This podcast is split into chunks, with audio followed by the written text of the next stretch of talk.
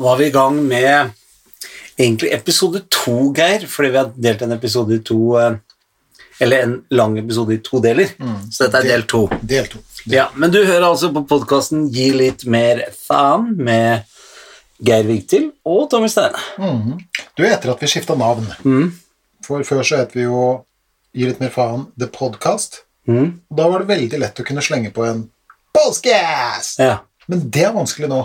For vi bytta navn til en Ja. podcast om livsmestring. Det er det den egentlig heter. Ja. Altså, jeg skal si det på nytt. Hjertelig velkommen, du lytter nå til uh, podkasten. En uh, postkast om eh, livsmestring. Podcast om livsmestring! Der kom den. Ja, det var fin. Jeg syns du skal spille inn den hver gang. Podcast! Det er faktisk folk som har begynt å skrive til oss og skrive opp postcass. De skriver postcass. Ja. Jeg liker denne si. ja, og det Det var veldig faktisk noe jeg sa ved feil på en av de første episodene. Den aller første, tror jeg. Ja, og nå er det blitt et brand. Ja, på en måte. Det er har veldig bra. På en måte har det det. Vi skal ikke tøyse og tulle og si hva har du drevet med siden sist, for vi spiller jo inn to episoder samme dagen. Det gjør vi, og vi sitter fremdeles i et ørlite rom. Ja. Veldig lite, faktisk. Det her er så lite at uh, det mest utfordrende er å holde koronaavstand på en meter. Mm. Det Men vi klarer det. Akkurat. Ja. For det er hodet, det er mellom hodene som er greia. ja, men det er så urettferdig, derfor det er litt forskjellig. Ja. Og jeg har jo litt stort hode, sånn at det er jo Ja, men ikke sant, Jeg fløy i går mhm. på et fullt fly fra Trondheim til Oslo. Nei, til Bergen. Og der sitter du tettere enn én meter mellom hvert hode, tror jeg. Ja, det gjør det. Men har de ikke satt opp sånn pleksiglass mellom hodene? Nei, det har ikke. Nei, det har de ikke. Det har snakka om det. Men alle må jo sitte med munnbind. Mhm. Men for meg å drive showbiz er helt umulig, for der er en annen regel som gjelder. Der skal det være én meter fra skulder til skulder. Altså ikke hode til hode. Så vi står overfor et virus mm. som smitter lettere i en konsertsal mm. enn det gjør på et fly. Ja, så det er et intelligent virus. Du verden. Ja, hvem hadde trodd det? Og det gjør det jo ekstra utfordrende for oss som driver med, med kultur, da, fordi at eh, en eh, gjennomsnittlig kulturhusstol, da, for å si det sånn, er 85 cm. Mm. Og da mener myndighetene at det er 15 cm for nærme, fra skulder til skulder. Så det holder ikke bare å ha ett sete imellom, du må ha to seter imellom. Og så må du sitte i sjakkmønster, for det skal være én meter alle retninger, ikke sant. Sånn at raden bak, så sitter det da Ja, nå skal ikke jeg begi meg ut på noe matte, men maks to tredjedeler av det som sitter på raden foran, da. Ikke sant, for det må gå opp. Kunne man finne opp noen form for sånn akkurat som køyesenger, at man hadde køyestoler? For at de var én meter over Eller nei. Ja, det, det heter jo pariserhjul på vanlig språk. Ja, ikke sant. Du, ingen dårlig forretningsidé. Nei. Nei. er, men da skal du være ganske repetitiv, repetitiv Ja.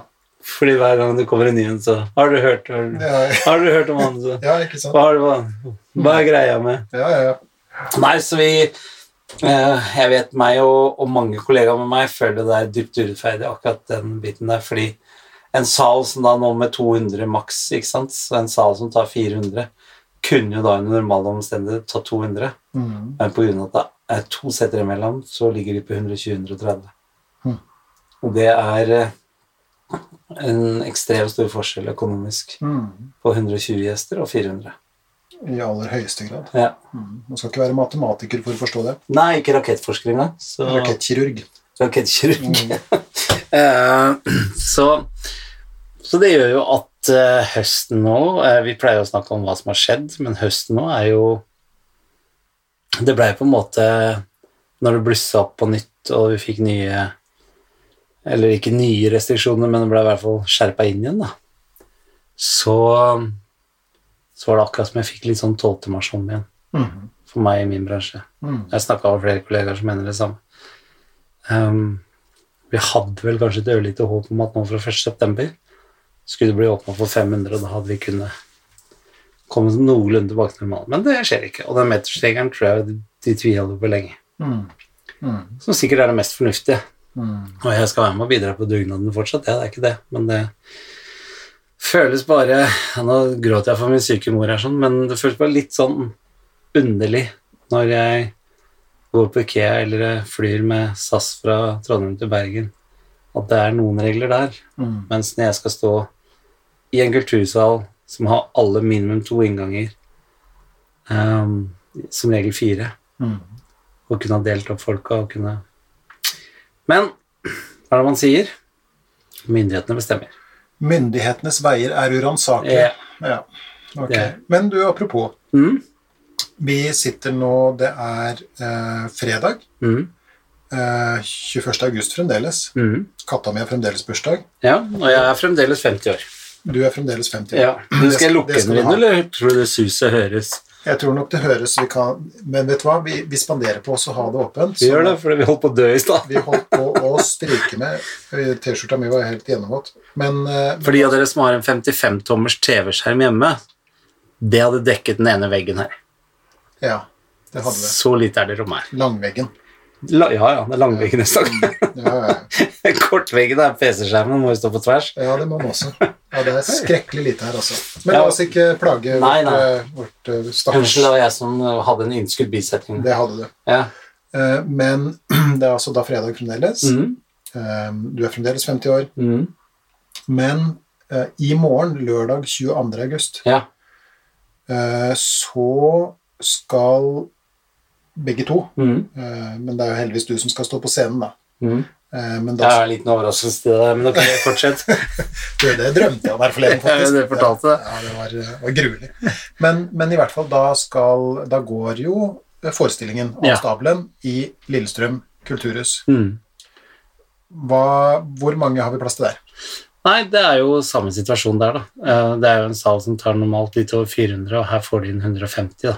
150 mennesker. Ja. Mm. Så det er jo en forestilling som vi egentlig skulle spilt 21. mars, men som av eh, naturlige årsaker da ble utsatt.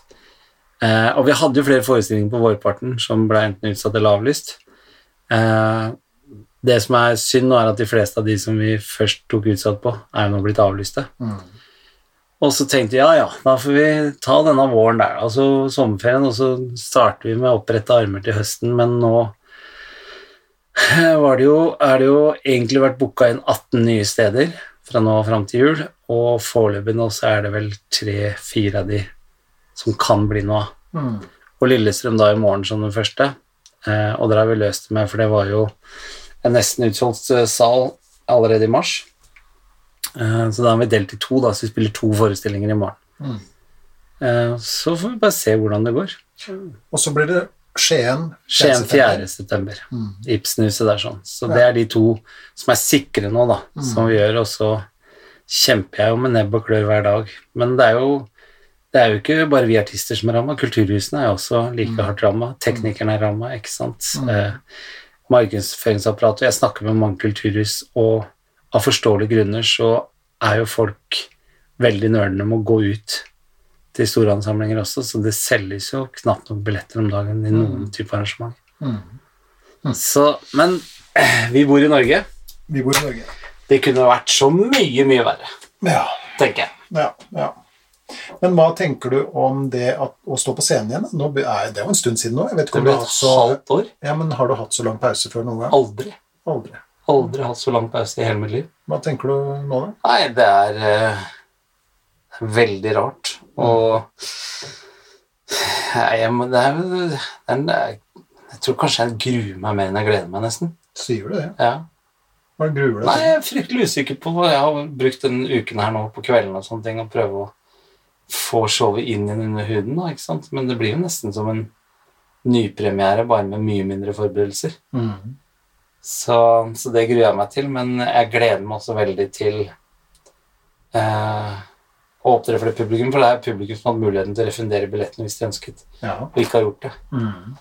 Så jeg tror vi kommer til en veldig takknemlig sal. Mm. Men det blir rart. Det er uh, første gang Lillestrøm kultursenter under koronatiden gjør det på den måten. Um, det som også blir spennende, er at eh, forestillingen blir streamet. Så det er også solgt billetter på, til stream, så folk sitter hjemme og ser på forestillingen. Wow. Ja. Det visste jeg ikke. Gjorde du ikke? Nei. Har jeg ikke fortalt deg det? Nei, det har du ikke fortalt. Nei, Sier du det? Ja. Jøsse navn. Kan det, er, det, er det fremtiden for norsk artistbransje, kanskje? Ja, det vil være veldig trist. Ja, særlig for komikere som Ja. trenger Jeg tror konserter sånn til dels kan i hvert fall erstatte noe av tapet med at det ikke er en konsert. mm, Fordi vi har jo sett på musikkvideoer og konserter og sånne ting på, på TV og sånn fra før, så det er ikke så ukjent. mm, Og vi har for så vidt sett standup-show også på Netflix og sånne ting. Eh, så, det, så det kan jo også Hvis det er eneste option, så må man jo bare gjøre det. mm. Eh, man kan liksom ikke la Jeg vet ikke hvor mange som er engasjert rundt eh, kulturlivet i Norge, men sikkert en 50 000 mennesker. Mm. Kan ikke bare la de slutte helt. Nei, nei, nei. Jeg tror det er blitt et fattig samfunn Ja, det tror jeg også. uten musikk og humor og dans og Mm. av kultur, da. Mm. Så for å si som de i Norge, vi får bare stå nå. Ja, ja. Så, men gøy blir det i morgen også. Ja. Jeg gleder meg til å, så, å få brynt meg litt igjen og sett publikum, ikke minst. ja, ja, ja, ja. Det er veldig veldig rart å ikke ha sett publikum på så lenge. Mm. Og det som er litt sånn synd, syns jeg, da Mm. Og nå er det jo myrsnipa som snakker Mm. om ungene sine, hadde jeg nær sagt, men, yeah. men uh, den erfaringa vi gjorde oss før koronautbruddet, var jo at dette var en forestilling som betydde noe Mm. for folk. Mm. Eh, så, så jeg gleder meg jo igjen til å både se og høre reaksjonen i, i, i salen. Mm. Og vi skal jo signere bøker etterpå, og vi skal treffe podkastpublikum. Ja, det er veldig gøy. Det er jo folk som har skrevet inn til oss, som har faktisk kjøpt billetter til Lillestrøm i morgen Mm. og, og har lyst til å møte oss. Mm. Det, det gjør det jo bare ti ganger kulere. Mm. Så det gleder jeg meg til. Ja. Så vi altså. skal ha en festaften i morgen. Det skal vi. Ikke Den siste forestillingen tror jeg jeg gjør eh, som 50-åring. Ja, det, det Uten at jeg skal begynne å mase om at jeg har bursdag på tirsdag, men eh, Nei, det har du. det, har du. Mm. Men Ja, det- vi later ikke å minne oss på det, så det er, men det er bra. 25. august. Jeg trodde at du ble 52. Ja, men nei, vi var mye bedre kamerater før. Ja, ikke sant? Ja, ok. Men jeg skjønner jo, for du er 51, så du tenkte kanskje at jeg er ett år eldre enn deg. At det var derfor. Jeg er faktisk bare 50. Ja, du er 50. Sånn var det. Og null. Men du, vi snakket om um, før vi av... 24 inni meg. Ja, det er på gode dager. Ja, det kan tenkes. Vi snakket jo uh, i forrige skal- jeg holdt på å si podkast, men jeg sa det ikke i forrige episode. Mm -hmm. uh, så snakket vi jo uh, lenge og ved og vel om um, det her med moderniseringen. Mm. Eh, at eh, samfunnet vårt er, eh, er blir jo stadig modernisert, og plusser og minus med det, og ikke minst det at vi må være flinke til å ta med oss og ikke bli historieløse. Mm. Men jeg, men jeg, jeg har lyst til å stille eh, et spørsmål, fordi eh, nå når vi har hatt liksom eh, denne norske sommeren, vi har hatt folk som har flydd i skauen som ikke har gjort det omtrent siden de var liten, eh, vi har gjort noe helt annerledes nå av korona. Mm.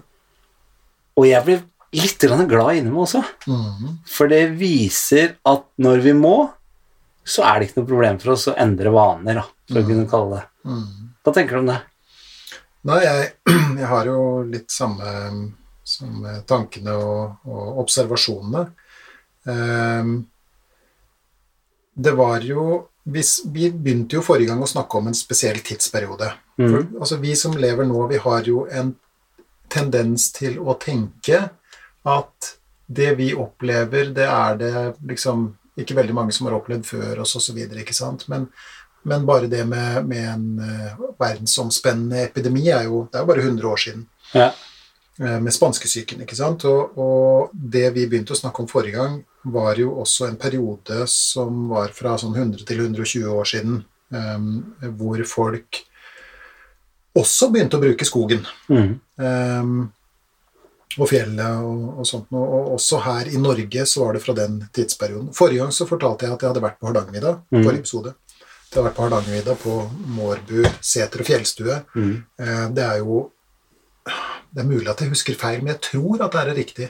Jeg lurer på om, om den fjellstua ble bygd i 1898 eller et eller annet greier. I hvert fall fryktelig lenge siden. Mm. Og, og, og hun Marie, hun, hun Mårbudeia som jeg snakka om forrige gang, hun hadde jo et bilde stående i resepsjonen der av, av sin bestemor eller oldemor som drev og melka ei ku. Um, og jeg husker jo også å ha lest om at nettopp i den perioden så begynte folk å bruke fjellet mer, og man, man, man eh, begynte å jakte også for litt sånn på- litt for rekreasjon, Mm. ikke sant? Det var ikke bare matauk, men det var også for naturopplevelsen, spenningen og, eh, og sånt eh, sin, eh, sin skyld. Og vi har den samme bevegelsen mot naturen i våre dager. På bakgrunn av en epidemi, ikke sant? Ja, var det det da? Nei, det var kanskje ikke det. Fordi det vi begynte å snakke om forrige gang, var at det kom en slags ehm, Altså, samfunnet ble jo modernisert i veldig rask grad. Mm. Uh, livet ble mer behagelig, men for mange så opplevdes også livet som, som tommere og mer meningsløst. Ja. Ikke sant?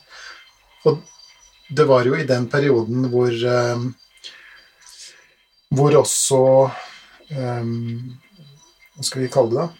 Hvor, hvor tilværelsens tomhet ble litt eh, mer uttalt for folk. Og det var også i den perioden hvor begrepet nevrasteni ble, ble Det må du si en gang til. Nevrasteni. Revra ne. Nevra, ikke revra, nei.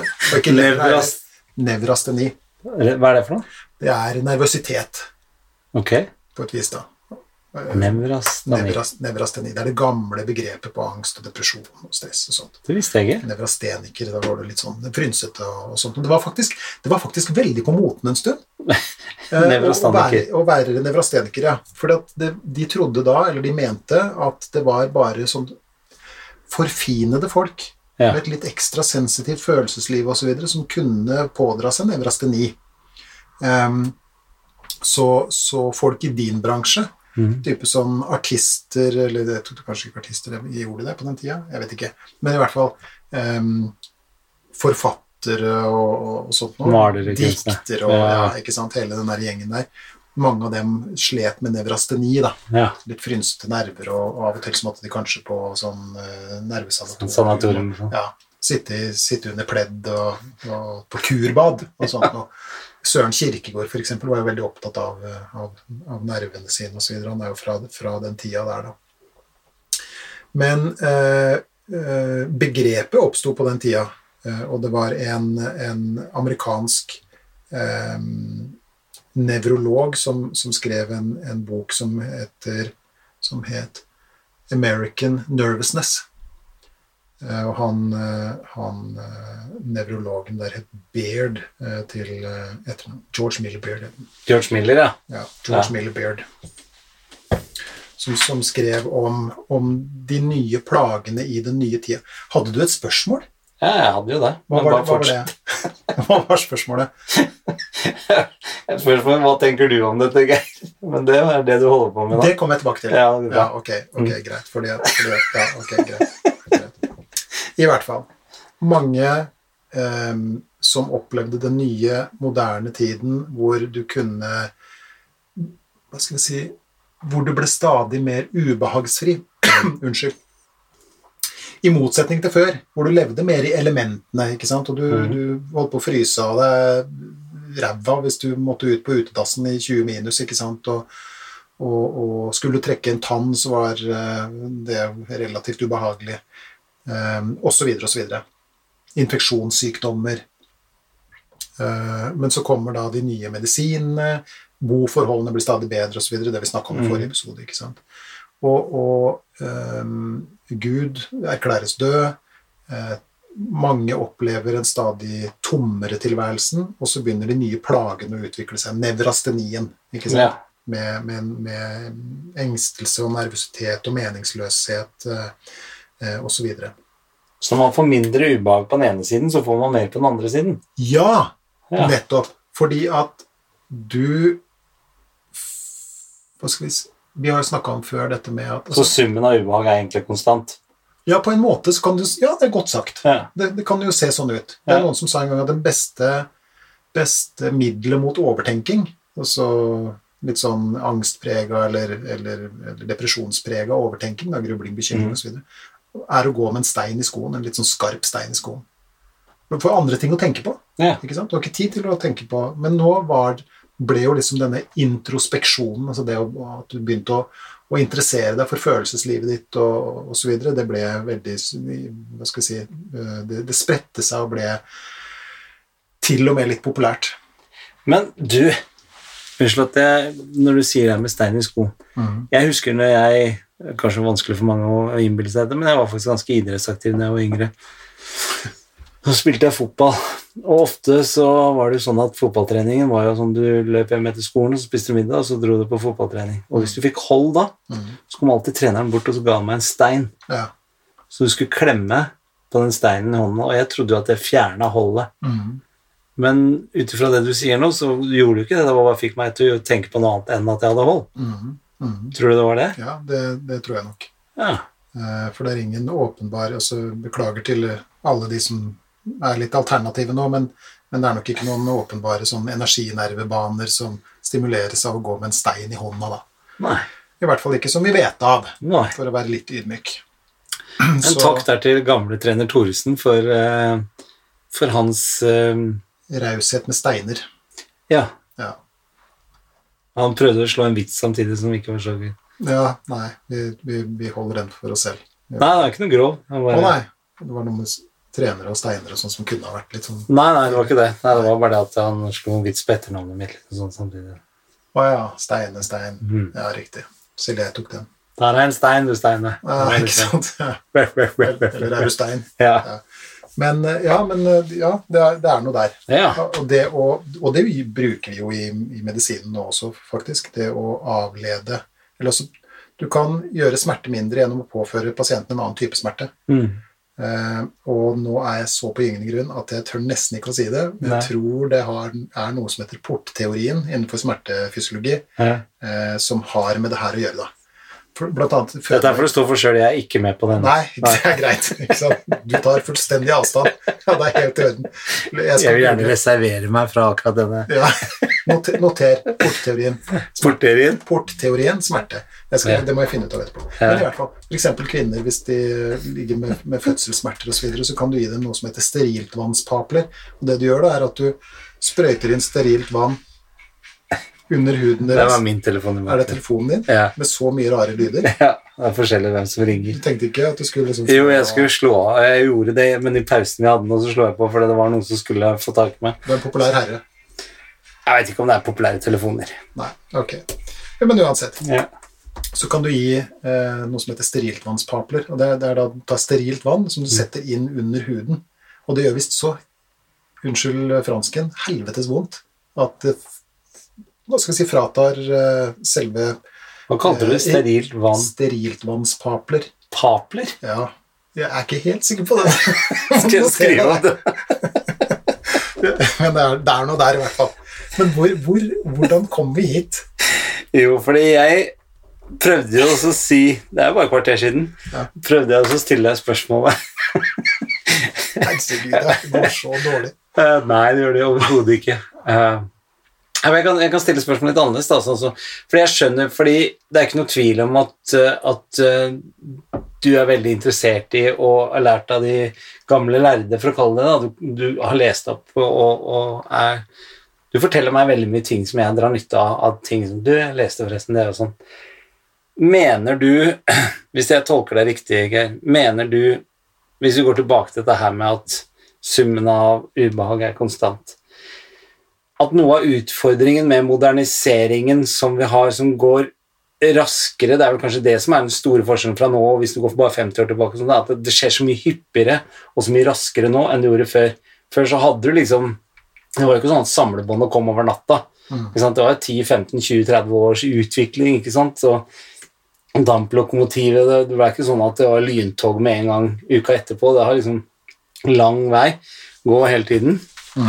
Eh, Vil du bare prate mens jeg setter inn kontakten til, for det er eh, ja, bare sett i kontakten. Det er jo et hjemmesnekra podkast, dette her, så vi må bare ta, veldig òg.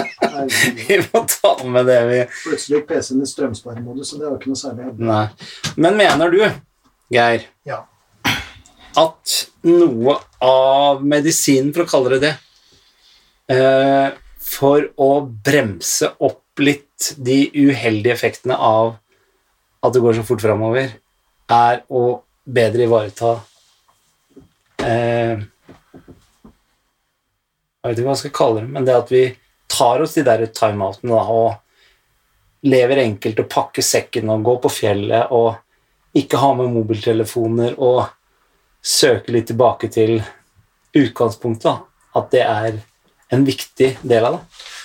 Ja, altså eh, Nå skal ikke jeg foreskrive noe medisin, men det er jo, det er jo Ja, medisin i anførselstegn. Ja, Altså. ja, men det er, det, er jo, det er jo antagelig ikke uten grunn at vi nå skjønner i stadig økende grad hvor viktig eh, fysisk aktivitet er for jo, I, i, i utvida forstand, da. Ja. Er for, den, for vår mentale helse. Um, en av de viktigste eller hva skal jeg si, det viktigste og, og nyeste skråstrek eldste depresjonsmedisinene vi har, er jo nettopp det å komme seg ut ikke sant? Og, og, og røre seg osv. Men igjen, da, vi foregriper begivenhetenes gang litt, lite grann. Fordi at her er greia. Med den utviklingen nå, Vi er 120 til 100 år tilbake i tid. Mm. ikke sant? Og, og alt det som har, det, det som har skjedd, som vi har snakka om nå, Mm. uh, denne, denne tomheten og denne vektløsheten som enkelte um, um, skal vi si, føler på, da. uh, så kommer det en motreaksjon. Ok. Det kommer en motreaksjon i form av en slags sånn antimodernisme. Og en av de som regnes som den fremste skal vi si, kall det talsmannen for den antimodernismen, var en amerikansk president. Okay. Det var, han het eh, Theodore Roosevelt. Aha. Og det som var eh, eh, greia, var at han holdt en i Hva var det? I å, 1899 holdt han en tale som, som hadde tittelen 'A Strenuous Life'. Og det er vanskelig å oversette til norsk. Jeg har en, en amerikansk-norsk kompis som eh, Hei, Terje. Han hører på denne podkasten borte i Japan. Ja, gjør den det? Ja, ja. Det er kult. Eh, kul kar. Kjent den hele livet. Og jeg spurte han om er det noe god norsk oversettelse av 'strenuous'. Og der, eh, der sleit vi begge to. Ja. Han med sine engelskkunnskaper også. Eh, Fordi at det nærmeste vi kan komme på norsk, er litt sånn anstrengende. Men det har jo negative konnotasjoner, på en måte. Altså, hvis noe er anstrengende, så har vi en tendens til å tenke på det at det, liksom, det, er, ikke, det er ikke så bra. Nei. Men i denne sammenhengen så er det, er det med positive konnotasjoner, da. Ja. At, at noe er anstrengende på en god måte. Han skrev Han ble for øvrig berømt for en, en bok som handla om akkurat det samme. Han, Theodore Roosevelt. uh. Ja.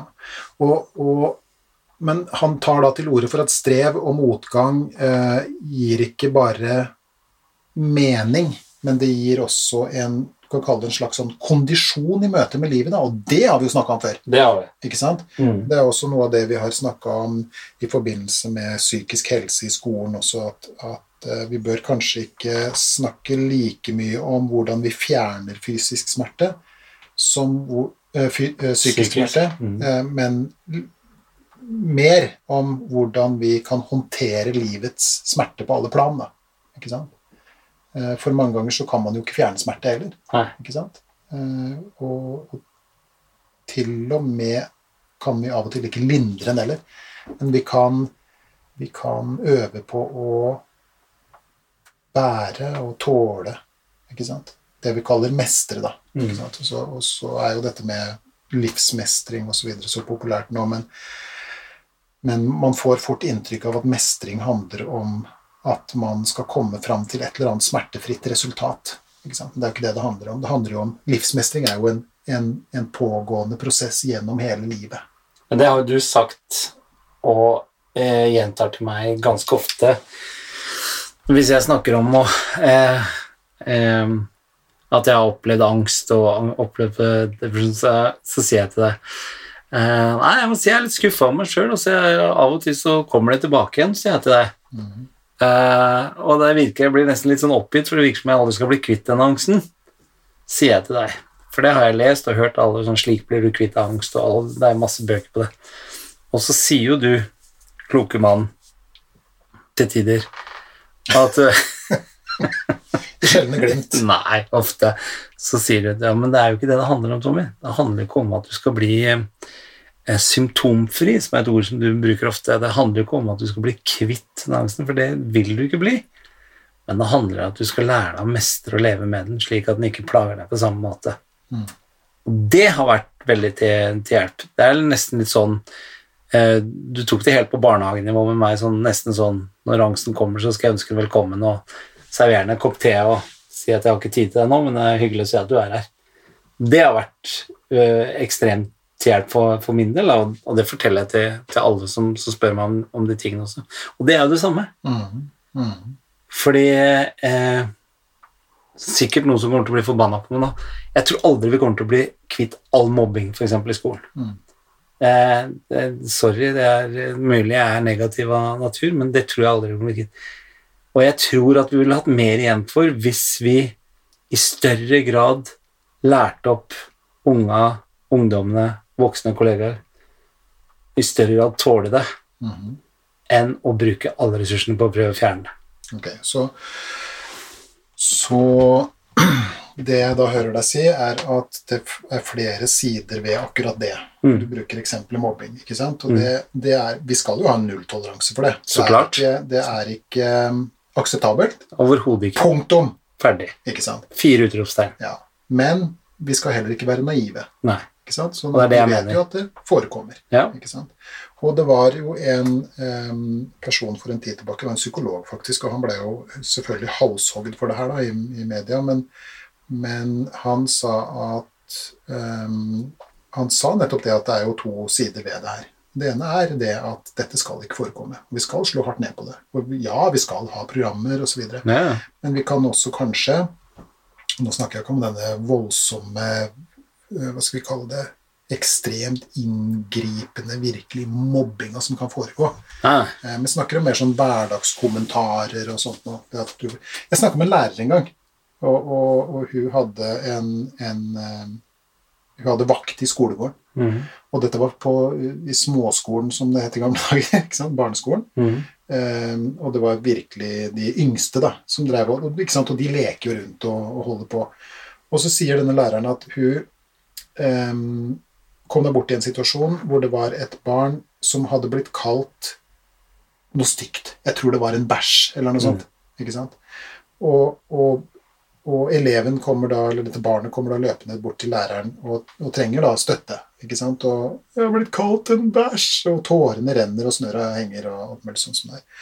Og denne læreren setter seg jo ned på huk og ser eleven inn i øynene ikke sant? og virkelig øh, skal vi si, møter denne, dette barnet for, på det stedet barnet er, på en måte da, som det heter. Litt sånn flosklete. Og, og, og, så, og så er denne Det er vel en sånn klok lærer, da. Så sier hun jeg skjønner veldig godt at det ikke er ok å bli kalt en bæsj. Det er vondt og vanskelig, det. Ikke sant? Men hva skal vi gjøre med det? Så vi har to valg nå. Det ene er at vi kaller inn dine foreldre og hennes foreldre til et foreldremøte, og vi ordner opp i det her og sånt noe. Eller så kan du velge å fortsette å leke og kanskje ikke bry deg fullt, fullt så mye om det. Hva har du lyst til å velge? Og det barnet valgte å fortsette å leke. Og så gikk jo denne læreren, som alle voksne eh, burde gjøre, bort til det andre barnet og sier du, vet du hva, det er ikke helt ok å kalle andre en bæsj. Det syns jeg du skal slutte med. Ikke sant? For det blir vondt for den andre, og, sånn, og kanskje du hadde blitt lei deg hvis du hadde blitt kalt en bæsj. og, og sånt, ikke sant? Men, men det jeg tenker, det jeg tenkte og fremdeles tenker da jeg hørte den historien, var at denne læreren leverte en slags sånn livsmestring, en slags Mm. klokskap til det barnet. da. Fordi at barnet fikk eh, valget for hvordan det ville leve livet sitt videre med det å bli kalt en bæsj. Mm. ikke sant? Og, og, og, hadde det vært, eh, vært eh, ikke sant, gjentagende, hadde det vært juling på skoleveien, så hadde det vært en helt annen historie. Men vi snakker om denne hverdagsertinga som unger kan holde på med, da. ikke sant? Eh, Der tenker jeg jo at vi kan Amerikanerne eller engelskmenn eller hva man skal de, de, de, de, de som snakker engelsk, har jo et, et uttrykk som heter 'Sticks and stones may break my bones, but words can never hurt me'. Og det er jo, det er jo, et, det er jo et poeng der. Mm. ikke sant? Og så skal vi selvfølgelig vite hvor den grensa går, da. Um, men igjen, da, det er jo et betent, um, et betent område Mm. Som mange har brent seg på. Men, eh, men det, er nok, eh, det er nok noe der. Men i hvert fall, tilbake til eh, Modernisering. ja, nei, til, til Roosevelt og, Mm. og hans eh, strenuous life, som Mm. han tok til orde for, fordi at man skal, etter hans mening, og det her falt jo i veldig sånn god jord, da, Mm. fordi at man var i den perioden man var i, og, og mange gikk og følte litt på den der tomheten som det moderne livet representerte, eh, så, så kom det en motreaksjon. Og den motreaksjonen kan vi kalle en, en slags sånn antimodernistisk motreaksjon. Det var i den tida her hvor speiderbevegelsen oppsto. Han eh, Baden Powell eh, i England eh, oppretta speiderbevegelsen og fikk eh, primært unge gutter, da, men etter hvert også unge jenter, eh, ut i skogen og opp i trærne og knyte knuter og spikke og, og sove ute og Jeg vet ikke, jeg var jo speider da jeg var liten. Og vi grilla pinnebrød, og vi sant, holdt på da. Eh, Og lærte oss navnene på dyr og vekster og, og i det hele tatt. ikke sant? Så, så, så den eh, bevegelsen eh, kom. Det var også i den perioden her hvor helsestudioer osv. Eh, Ja, er det så langt tilbake? ja, det er så langt tilbake. Da skulle du trimme både kropp og sjel. ikke sant? Du skulle bli sterk, Mm. eh, og, sånn at du kunne håndtere livet. Sånn at du ikke sykna hen i, i den herre eh, moderne vektløsheten. Da, ikke sant? Og det var noen som, Jeg husker ikke hvem det var, men det var noen som, som sa noe om at eh, selv fritidssyslene våre foregår oppi, eller hobbyene våre foregår oppi hodet, sa vedkommende. Det var altså lesing og, og, og kanskje cinematografen og, og sånt. Ikke sant? Så folk satt stille og, og, observerte andres liv gjennom romaner og, og kanskje filmer og, og fortellinger og, og sånt noe, istedenfor å leve livet selv. For når du lever livet selv, så får du erfaringer og kunnskap som du ikke kan få bare gjennom å, uh, å, å lese det. Titanic, vet du, Mm.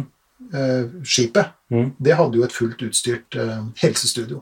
Alle? Ja, med romaskiner og full spiker. Kunne ro deg over Atlanteren. Gikk veldig dårlig, da, men, men du skjønner Jeg vet ikke om det var et bra eksempel. Det var kanskje ikke det. Men hvordan Men- men hør nå. Ja. Også dette med sånn, det som engelskmennene kaller arts and crafts. Mm. Altså det å drive med, med sånn sløyd eh, og, og, og makramé og veving og alt mulig. Potte Hva heter det, hva heter det når du lager sånn potter? Sånn Leire... Leir. eh, eh, ikke sant? Og sånt noe ble veldig populært. Skytterforeninger eh, oppsto Og idrettsforeninger ser jeg jo da. Sant? Mange fotballag og sånne ting ble Ja. til på den tiden. nettopp. Det er det det ble. Mm. Ikke sant? Og, og også friluftslivet, da. Eh, Også her i Norge. yeah. eksploderte. Kona mi og jeg snakka om det vi gikk på Hardangervidda, i vårt moderne sånn friluftstøy og sånn. Og, og, og jeg gikk og tenkte på disse tingene, og plutselig så fikk jeg jo bilder i hodet Mm. av disse damene som gikk med sånne skjørt Mm. ikke sant, og stav, da, vet du, ikke sant, og, tenkte hvor tungt det var, og hvor varmt det var. Noen ullstakker og, og, til og med litt sånn hatter og sånn gikk de rundt, og, de vassa i ryper på den tida der. Det er en digresjon, jeg er jo rypehugger. Men, men de, de måtte nærmest jage rypene bort fra stiene på, på den tida. Fuglen rype, altså. Fuglen rype. Ja. Fuglen rype. Det kan jo tenkes at de hadde noe lettere tøy enn bare de der svære tungestakkene. Ja, det er jeg litt usikker på. I Ja. hvert fall ikke kvinnene. Mennene hadde nok det. Men jeg tror det er sånn sier, for når du snakker om Hardanger vi var jo på Gaustatoppen Mhm. i sommerferien, som en av toppene. Eh, og den turisthytta som ligger oppe der, tror jeg er Norges nest eldste turisthytte. Sier du det? ja? Ja, og det er også Husker fra du- 1800- og 1800-tallet. 18, 18 1870-årene, mener jeg, husker sier du det? Kan du google det også, så Ja, klart. det men- syns jeg vi skal gjøre, Ja. for det er, det er interessant. Og det var faktisk eh, Sam Eide og gutta på, eh, oppe i Rjukan Mhm. som eh, ville lage fritidssysler for de ansatte, for de mente at det var nyttig. At, eh, og en av de første slalåmbakkene kom jo egentlig ned uten Mm. heis. Mhm. Og det var vanskelig å komme seg opp til Gaustatoppen, så derfor så bygde Hydro, eller hva det het den gangen, bygde denne veien opp fra Mm. Rjukan da, opp til Gaustablikk, og da senere Gaustatoppen. Mm, mm. Og det var for de ansatte, og også i så tidlig som jeg mener, husker 1906, eller i hvert fall før 1910, så starta planene om den kabelbanen. For i Rjukan så er det jo ikke sol fra september til mars. Mhm. Så Sam Eide og sjefen der oppe mente at ok, hvis ikke solen kan nå folket, så må vi sørge for at folket når solen. Mm. Og dem, Nå ble det jo eh, depresjoner og alt mulig sånt. Så Jeg tror ikke han sto ferdig før på 1920-tallet, den eh, men men er gammel. da. Fraktet da folk opp så de kunne gå innover i fjellet. For de oppdaget at det var viktig også for bedriftene, at folk hadde fritidssysler. Eh, og, og ytet da bedre som arbeidstakere. Du verden, du er en vandrende encyklopedi. Vet du hvordan jeg vet dette her? Nei. Det er egentlig ganske barnslig, men eh, Eller ikke barnslig, men litt sleipt. Eller ikke sleipt heller, men jeg i hvert fall vet det. Mhm. Og det var at når vi kom opp på Gaustatoppen, så var jo jeg relativt sliten. Mhm. Mens Linda følte da for at når vi kom opp til turisthytta, som ikke ligger på det høyeste punktet mm. Det er fortsatt 78 meter til du kan komme opp med å gå bortover Eggen. Langt Men jeg hadde eh, av naturlige årsaker behov for litt pause, da. Mm. Og da var det en eh, tropp fra Heimevernet som var der. Og de hadde leid inn en guide på Gaustatoppen som Ah. fortalte dem historien, og jeg benyttet anledningen til å gå mye nærmere. Og så satt jeg, selv om jeg ikke er i Heimevernet, så satt jeg så nærme så jeg fikk høre de historiene. Mhm. Interessant. Så, så, så veldvandrende er jeg ikke, jeg er bare flink til å huske. Ja, ja, ja, men det er jo helt, eh, helt Jeg har god hukommelse, vet du. Og jeg skulle, ja, det er bra. Det kommer godt med, nemlig. Mm. Og, og jeg skulle satt klingende mynt på at det du forteller om, og Sam Eide og sånn, det er fra denne perioden her sånn. Mm. Det kan vi finne ut av også. Ja, det er på slutten av 1800-tallet. er slutten av 1800-tallet, Mm. så der har vi den eh, greia der. Så, så interessen for friluftsliv, ikke sant, som uh, Rjukantoppen og Mm. sagt og sånt noe, det, det får virkelig et oppsving på den tida. Du har ikke så god hukommelse. For det heter Gaustatoppen, ikke Rjukantoppen. nettopp, ikke sant. Men det er over et minutt Ja, siden så, jeg nevnte ja. Ja, det, Ja. Det er ikke alle som er Så velsignet som deg, herr Steine. Nei, grunnen til at jeg husker godt, er fordi jeg har sånn derre um, uh, Åh, sånn Klisterhjerne. Ja, altså. Jeg trodde du mente fotografisk hukommelse. Nei, det er, Det er en dårlig vits, men jeg har hatt den. Det er min vits Ja, det er det. fra gammelt av. Sier du det? Ja, mye fint fra gamle dager, skjønner du, kan Det bruke i det moderne samfunn. Ja, det er bra, det er bra sikkert. Det er bra sikkert. Ok, bra. Men da er vi, da er vi der. Ja. Ikke sant? Vi er der med, med, med antimodernismen. Det Mm. kommer som en reaksjon på et moderne samfunn som oppleves som stadig tommere og uten verken vekt eller mening. Men gikk da disse Hva var det ordet du hadde for nervøse folk? Nevrastenikere. Ja, Ble det færre nevrastenikere av det?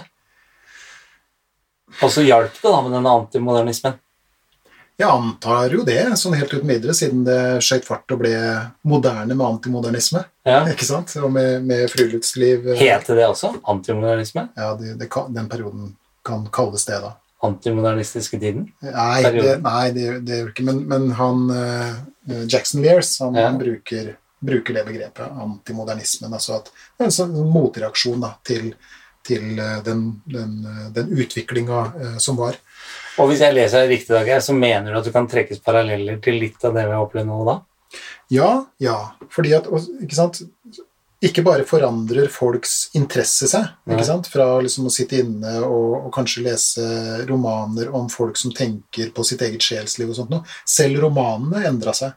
Nå var det jo eventyr og helteepos og sånt som gjaldt. Og, Ja. og mange leste den type eh, historier og eventyr til altså det var, det var eh, eventyr om krig og om, eh, om oppdagelser og erobringer og, og, og ekspedisjoner og sånt noe, ikke sant? Eh, Og det leste mange bevisst for barna sine nettopp for å motvirke den derre eh, hva skal vi si, stillesittende, Ja. beskytta tilværelsen. Da. For de skjønte nærmest instinktivt, antagelig, at de måtte gjøre noe for å motvirke det der. Så, så selv der så du den, eh, Men det gjør jo vi i dag òg. Gjør vi det? Skjønner det sjøl. Ja, ja, ja, ja, ja, det, ja. ja. Men vi har ikke kommet helt dit ennå at det har begynt å endre seg sånn sett. da. Men tilbake til det du uh, reflekterte over i, i den forrige episoden, og det som du også reflekterer over innledningsvis her, da, hvor jeg sier at det er å forgripe begivenheten litt, grann, men, men, men tilbake til det. Vi ser jo nå en oppblomstring av uh, en interesse for friluftsliv, det å bruke kroppen, det å styrke seg, i hvert fall kroppslig. da. Mhm. Eh, Jeg greier ikke helt å se det mentale ennå, eh, men det kan tenkes at det, eh, det kommer.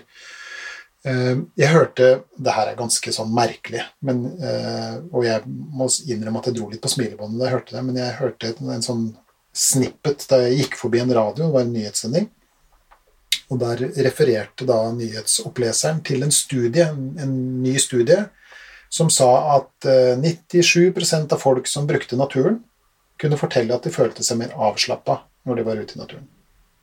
Og så er det litt sånn go figure, ikke sant? Det er ikke så rart. No. Det er jo det vi er lagd for. Yeah. ikke sant? Vi er jo ikke lagd for en Thank you, Captain, uh, Ja. Captain Obvious. Obvious, ja. Eh, Fordi at vi er jo ikke lagd for en tilværelse på asfalt mellom eh, glasskasser av stål og betong, ikke sant? Foran skjermer. Foran skjermer osv. Vi er jo lagd for å være der ute. Mm. Og det ser du. ikke sant? En ting er at vi, vi har jo en tendens i våre dager til å parkere barna våre foran skjermer. ikke sant? Prøv å parkere et barn foran et bål, og det blir sittende like oppslukt. Men det foregår jo ingenting. Men det der er eldgammelt. Av og til så tenker jeg når jeg går forbi hus, jeg ser at det flakker blått der inne, så tenker jeg at de sitter foran sine moderne leirbål på en måte. Ja. Eh, Men, men det å få folk ut i, i eh, naturen, det ser ut til å gjøre noe med dem. Så er det noen som antagelig har fått noen forskningsmidler for å få bekrefta det, det obvious. da. Og en annen ting er jo også at hvis du snakker med folk som har vært ute, og som kanskje har jeg vet ikke, ja, grilla noe pinnebrød eller noen pølser, eller kanskje drevet med litt mer avansert eh, matlaging på hytta, f.eks.. Hva sier de alltid? Jo, de sier at maten smaker alltid best ute. Mm. Ikke sant? Det, det, er jo, det er jo åpenbare grunner til det. det Jeg har ikke tenkt på det som åpenbart for det. ikke sant? Men det er det vi er lagd for. Ja. Ikke sant? Så Så du vil, gi, du vil at vi nå skal kjøre en liten vipsekampanje for Norsk Speiderforening, du nå? Så vi får en oppblomstring der? jeg Vet du hva? Helt seriøst, hvis, hvis, tenk hvis vi hadde fått til en litt sånn antimoderne bevegelse i våre dager også. Hvor det hadde blitt Ikke bare pga. korona, men, men, men ellers også fordi at vi forstår at det moderne livet ikke bare er en fordel for oss. da. Mm. At vi hadde fått en tilsvarende reaksjon hvor vi hadde gått ut i naturen, hvor vi hadde brukt kroppen vår, hvor vi hadde lært oss eh, å høste av naturen, hvor vi Du ser jo en visse tendenser til det, jeg vet ikke hvordan det er i din omgangskrets, men veldig mange som jeg kjenner, har fått en sånn ny interesse for planting Mm. utsida, på utsida av huset vårt nå skulle peke, og da pekte jeg rett i PC-skjermen, for dette rommet er kanskje ikke så stort. Men, men på utsida av vårt hus nå så står det jo Det bugner jo av tomatplanter og paprika og det ene med Ja, jeg har en, eh, en kollega, Freddy, som eh, har blitt helt rå på å dyrke chili Såpass, ja. mm. Mm. og på en terrasse. Så På en terrasse. Men du, kan ikke vi, uh, før vi runder av nå, da kan jo vi Fordi du sier jeg håper det kommer en sånn Og du har mer du vil si? Jeg har mer jeg vil si, fordi at Hør nå, hør nå, hør nå. Hør nå. Ja, i dag er det taleterreng, Victor. Ja, jeg vet veldig, Eh. men det her er, det engasjerer meg så innmari. Ja, For høre. jeg, jeg, det er så viktig, da. Ja, ja, jeg Tror jeg. Ja. Jeg vet ikke om det er viktig. Sett deg ned i det nå. Jeg skjønner hva du jeg mener. ja, jeg vet ikke om det er viktig. Jeg, jeg tror at det er viktig, og, og jeg synes å se at det er viktig. på en Mhm. måte, ikke sant? Så tilbake til min datter, da, Mhm. som, som jo, eh, som vi fortalte, jeg fortalte i forrige episode, hadde gjort seg noen tanker om dette med sosiale medier, og at man alltid visste hva andre dreiv med, og nærmest ikke hadde noe å snakke om når man eh, traff hverandre. Men det hun sier, det er at hun, som da er 20 år gammel, Mm. og som er i noe, annen alders, noe annet alderssegment enn det vi er da. mm. um, hun sier at hun begynner å se tendensen til at det begynner å bli litt sånn populært å være avlogga. Ja. Og jeg håper ved Gud at hennes observasjon er riktig. Jeg håper at generasjonen eh, under oss, altså våre barn, er smartere enn det vi har vært. Mhm. Eh, og at de forstår at det er veldig lurt å logge seg av og vende blikket utover og bort fra skjermer og bort fra seg selv. For det er Nå- lurt nå- Ja, men nå snakker du jo som om vi to er ferdig. Ja, nei, nei, det er ikke det jeg mener, men, men det er jo vi voksne som eller så, Ja, men jeg mener, det er, jeg håper er ved Gud at vi også Ja, ja, det, ja, ja, ja, ja, Ja, ja, det er håper jeg jo. Ja. Ja, ja, ja. Men jeg tror kanskje at de unge vil lede vei på akkurat det feltet. Mhm. Det er jo vi som sitter på Facebook, og de, de, ja, ja, de har jo sine greier, så det er ikke noe med det, men ja, Jeg sitter ikke mest på telefonen i min familie, i hvert fall. nei, nei, Det kan jeg love deg. nei. Men, men i hvert fall, det kan se ut til at det er en, en dreining mot mindre bruk av skjerm og sosiale medier osv., og, så videre, og det, det håper jeg virkelig er, er eh, riktig. Altså, det vil da si Jeg veit hvordan man kan gjøre det løst. Det er veldig lett. Okay. Det er bare å forby kameraer på telefon. Så telefoner heretter kan du bare ringe med. Ja, det Da har vi løst det. Ja. Eh, Jeg greier Mye tyder på at telefoner på kamera har kommet for å bli. Eller kamera på telefon. Sa jeg telefon på kamera? Ja, det har jo nesten blitt Det er jo blitt det. Ja, det er blitt det. Men uansett. Kanskje er vi på vei tilbake til der de var på sånn ja, La oss si eh, slutten av 1800-tallet, begynnelsen av 1900-tallet. At vi slutter å se på at andre gjør ting, og at vi heller gjør det selv. Og det, det håper jeg virkelig. Så oppfordring. Bytte ut det å se på Netflix og HBO med mer søvn, f.eks. Søvn er lurt. Søvn er bra på veldig mange områder, både fysisk og psykisk. Bytte ut scrolling med og nyheter og alt det der fjaset som vi driver og, og styrer med hele tida, med å lese bøker. Det tror jeg er ganske lurt. Veldig anti, antimoderne på mange vis. Og, og bytte ut sosiale medier med å være sammen og, og ringe på eller stikke innom eller et eller annet sånt som er. Tenk hvis vi hadde kommet i hvert fall hakket nærmere dit. Å, du verden, det hadde vært fint. Men da kommer vi nemlig til det jeg mente at vi skulle oppsummere med. For istedenfor å bare be folk om Kan du ikke sende oss en mail hvis det er noe du lurer på? sånt, Mm. Kan ikke vi starte med det, du og jeg, da? At, fordi vi møtes jo minst én gang i uken. Mm. At vi må ha gjort en sånn speiderting mellom hver episode. Wow, det var jo en uh, interessant tanke. Ja, og så at de som sitter og hører på oss nå, sender også inn uh, ting som de har gjort, eller som de mener andre kunne hatt nytte av. av okay, Gi meg et eksempel. sånn at jeg Nei, jeg bare kaller det speiderting. Jeg sier at man, uh, I dag så tok jeg med meg familien, dro ut i skauen, og så grilla vi pølser. Okay, ja, Det er en speiderting. ja. Ikke sant? Eller uh, lot isbilen bare kjøre videre. Nei, en annen speiderting. I, I dag så pakka vi ryggsekken, og så gikk vi inn til det og det vannet, og uh, det er første gang hele familien har fiska sammen. Mm. Eller jeg og min Kan- kjære vi gikk på en fjelltopp i dag, tok med oss niste. I dag har vi sett en fjelltopp der vi bor som vi ikke visste fantes. Kan det også være på, på hva skal vi si, et annet nivå også, for, for det er interessant det du sier. Kan det også være f.eks.: I dag reparerte jeg denne tingen istedenfor å kaste Ja. den. Eller i dag har jeg lært meg å gjøre sånn og sånn. Ja. Det hadde vært En antimoderne ting. Ja. Ja. Det hadde vært interessant. Det oppfordrer vi alle som lytter til å sende oss eh, forslag på antimoderne ting de gjør. Mhm. Mhm. Bli mer bevisst på det. Ja, Det er, det er ikke en dum tanke. Nei. Kanskje skal vi til og med eh, forfølge den tanken i den sesongen som kommer nå. Ja. Det syns jeg høres veldig bra ut. Syns vi skal lage sånn antimoderne T-skjorte som vi sender til de beste innslagene. Ja, det gjør vi. I vadmel. Nei, men altså Det fantes jo T-skjorte på 1800-tallet. Mm, mm, ja, det gjorde det. Ja, men jeg tenkte på en sånn slogan der. En slogan, ja. Ja, Mm. Bra. Bra. Eh, hvis det er Og du og jeg må gjøre det også. Vi skal gjøre det. Så også at eh, neste gang vi møtes nå, så må du ha gjort en Jeg kaller det en speiderting, jeg. Ja, greit, det. Ikke sant? Ja. Eh, og det må vi gjøre hver gang. Mm, greit. Ok. Jeg er med. Jeg kan ikke ta deg i hånda pga. korona, Nei, nei. men uh, albuedytt, Albuet ditt. Ja. Ja. den er god. Ok. For jeg tenker at på samme måte som Det er noe som heter at hvis, hvis du ikke bruker kroppen din, da, la oss si at det er muskler du ikke bruker, så atrofierer de. ja. Og, og Det ordet må du si en gang til. atrofiere, altså at de, de tilbakedannes, på en måte. Det er ukas ord vi kan legge Jeg til tenkte en, på det. Ja. Akkurat på tampen så Ja, kom det med ukas ord. Ja, ok. Så, så uh, atrofi er ukas ord. Men i hvert fall, det vi ikke bruker, det, det blir mindre, på en måte. Og det gjelder både kroppen og sjelen. Ja.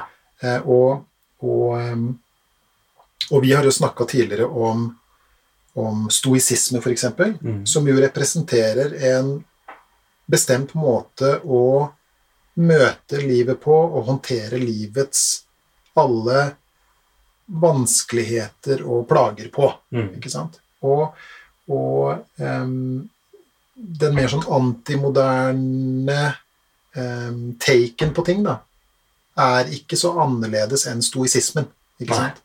Eh, det, som, det som eh, Roosevelt kalte strenuous eh, life, det, det henspeiler på at vi, Vi skal ikke skygge unna det som er vanskelig.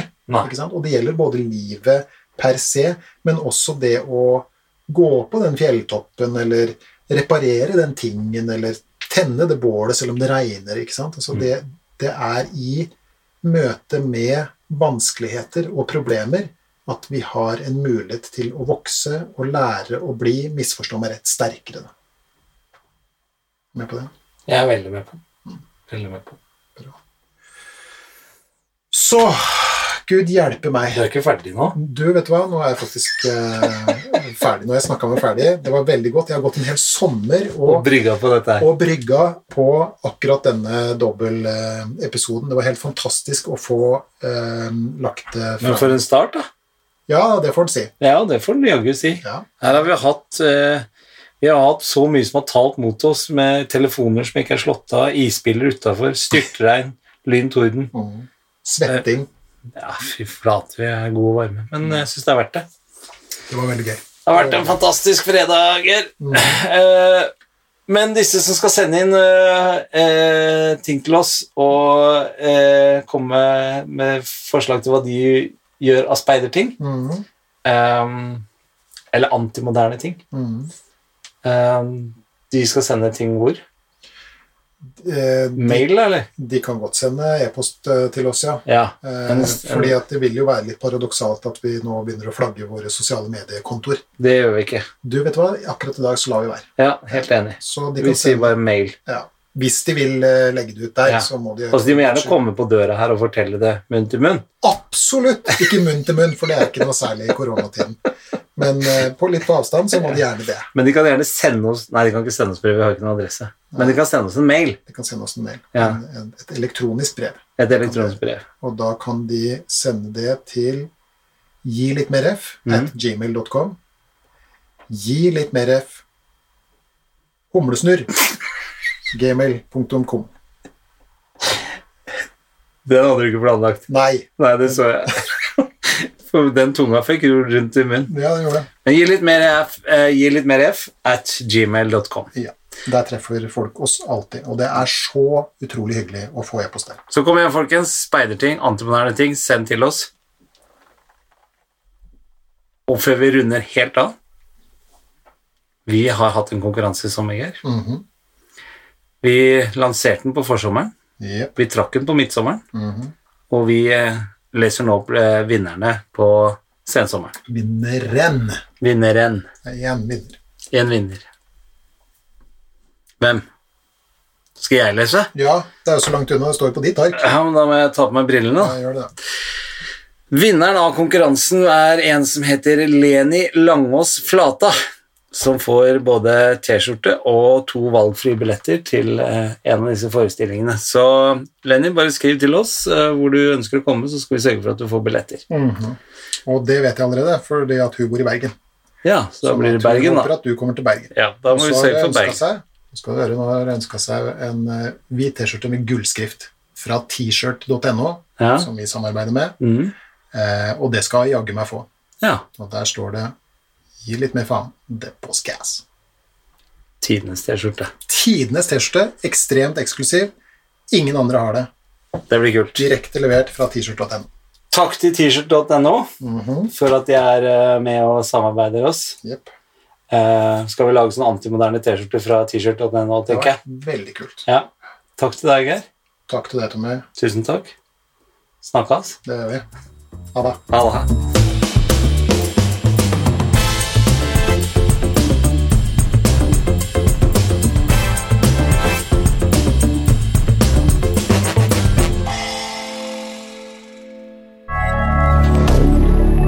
media.